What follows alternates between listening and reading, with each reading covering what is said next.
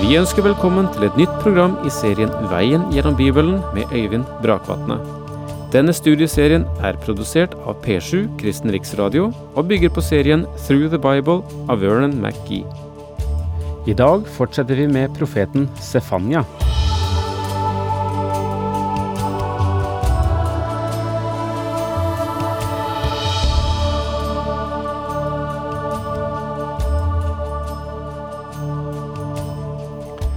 Sefania-boken vil vel mange si er tung av dom.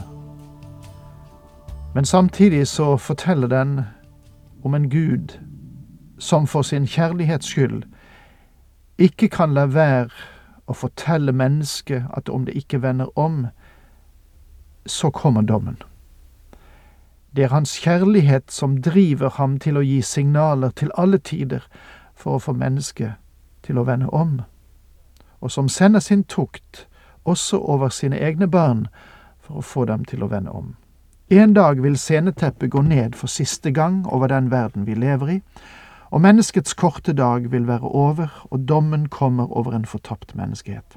Men Gud vil oppreise sine barn, og vi skal vel få merke at det vi holdt ut her nede, faktisk var velsignelse i forkledning. Og med dette i tankene, så la oss nå vende oss til det siste avsnittet i Sefania-boken. Vi går inn i kapittel tre vers ni. Da vil jeg skape folkene om og gi dem rene lepper, så de alle skal kalle på Herren og tjene ham skulder ved skulder. Gud har dette langsiktige mål, det kalles for Guds teleologiske hensikt.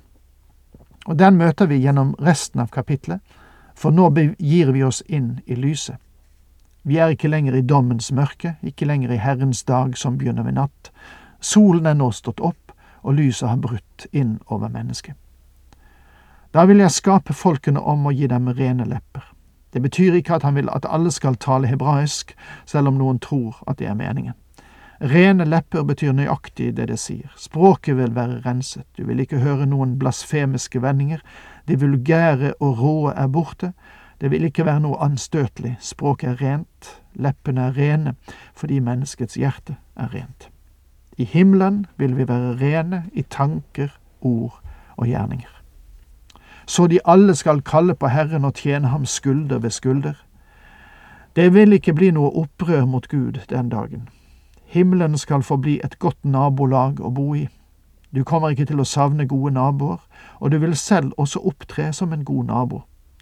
Og det kan kanskje være overraskende for noen. Fra landet bortenfor Nubias elver skal mitt spredte folk som tilber meg, komme til meg med offergaver.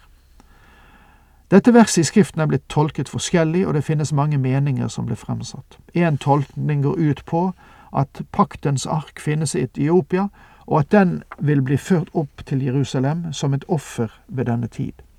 Jeg tror ikke det er det Sefanya har i tankene her i hele tatt. Andre retter oppmerksomheten mot en stamme i Etiopia, eller Abyssinia, kjent som falasjaene, og det ordet kommer fra samme rot som ordet filister, som betyr immigrant. De påstår at de kan føre sin opprinnelse tilbake til Israel, at de er israelitter. Etter ikke liten strid er nå falasjaene stort sett godkjent som israelitter. Noen mener at dette verset taler om de som er omvendt fra verdens nasjoner, som vil føre de atspredte israelitter tilbake til sitt land som et offer til Herren. Min innstilling til dette er at dette verset betyr at Etiopia vil gå inn i tusenårsriket. Og jeg tror at det er, det er det viktige å legge merke til her.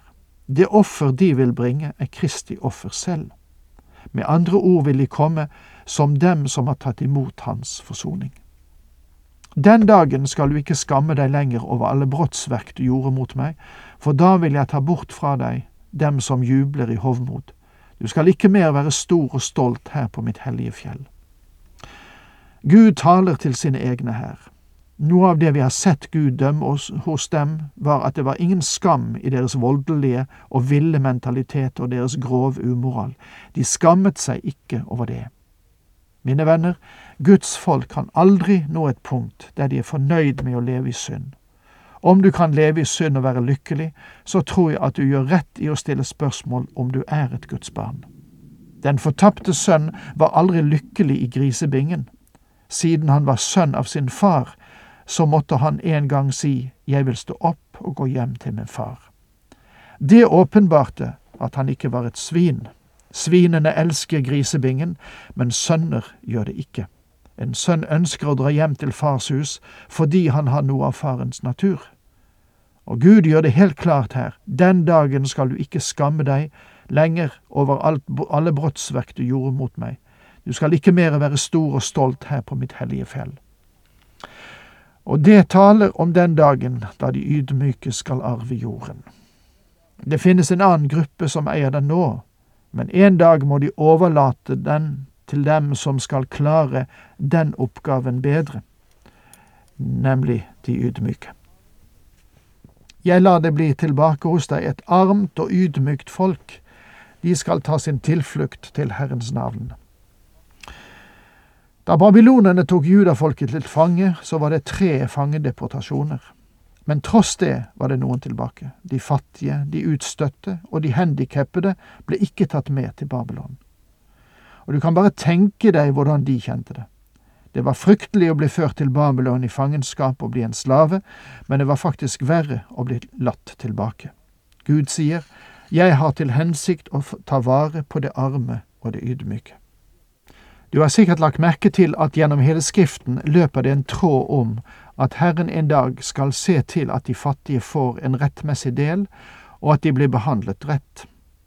Den eneste i verden som virkelig har et totalt hjelpeprogram for de fattige, er den Herre Jesus Kristus. Han har direkte og gjennom sine gjort mer for de fattige enn de mange beregnende vedtak i politiske fora. De som er igjen av Israel, de gjør ingen urett mer og taler ikke løgn. Ingen svikfull tale finnes i deres munn. De går på beite og hviler trygt. Det er ingen som skremmer dem.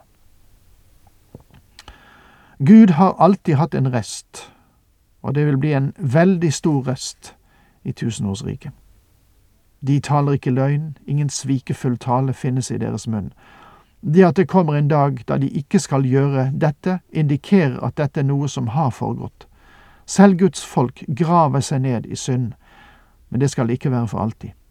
De kan ikke fortsette å leve i synd. De kan bli skitne på bena, de kan bøyes i grisebingen, men de kan ikke bli værende der.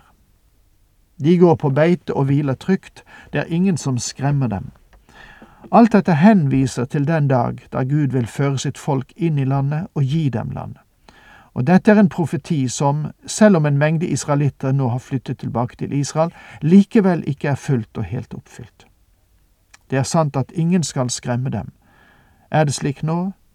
Nei. Israel har nesten ikke hatt et øyeblikk etter at de kom tilbake til sitt land, der de ikke har vært engstelige. Og Nå kommer vi til en beskrivelse av dagen når kongen vil opprette sitt rike på jord. Hør. Bryt ut i jubel, Sions datter. Israel, rop av fryd. Gled deg, Jerusalems datter, og juble av hele ditt hjerte. Herren har fridd deg fra straffedommen og tatt dine fiender bort. Herren, Israels konge, er hos deg. Du skal ikke lenger frykte noe vondt. Den Herre Jesus Kristus skal komme til jorden, det onde skal raderes ut, for landet er fullt av kjennskap til Herren som vannet dekker havets bunn, som Jesaja sier det så vakkert i kapittel 11, vers 9.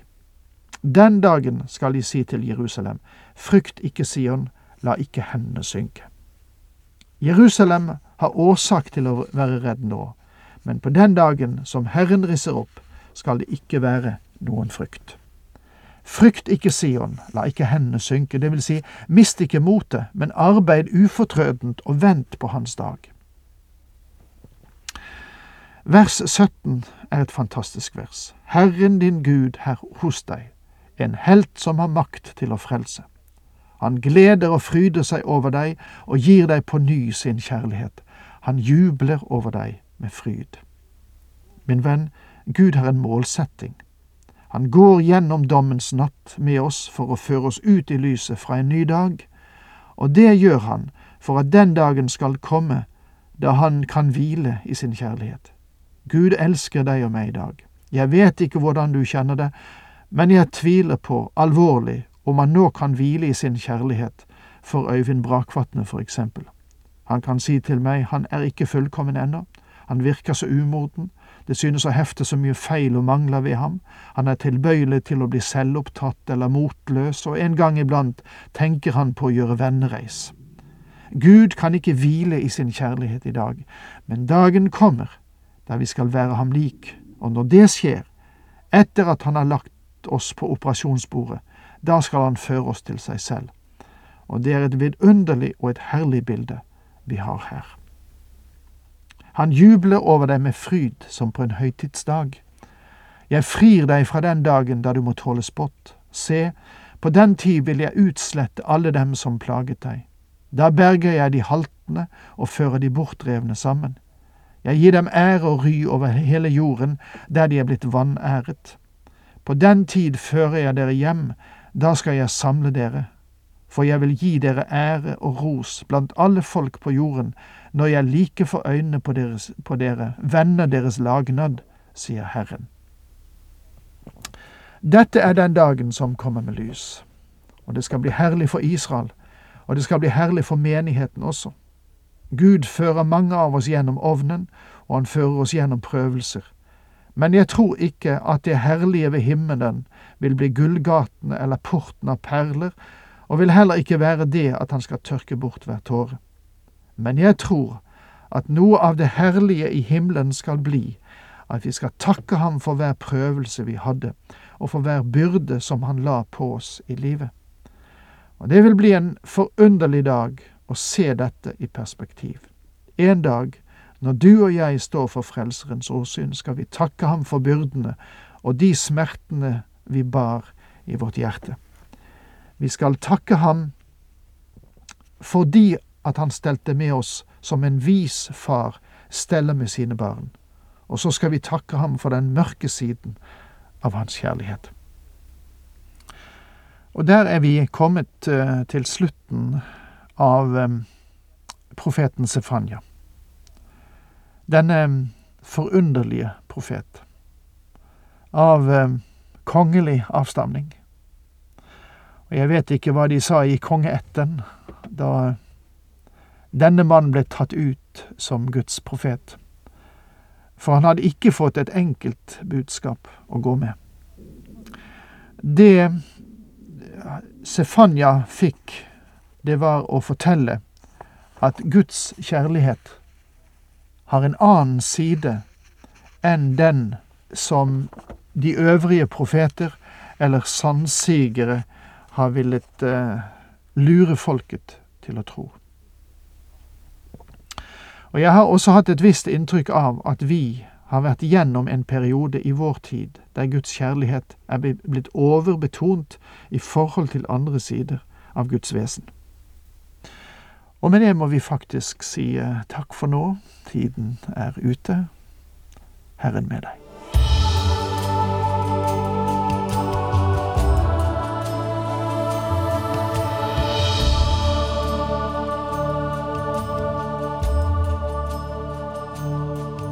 Du hørte Øyvind Brakvatne i studieserien Veien gjennom Bibelen. Serien bygger på et manus av Vern McGee. Har du spørsmål eller kommentarer til programmet, kan du sende en e-post til vgb krøllalfa p7.no. Takk for i dag, og på gjenhør.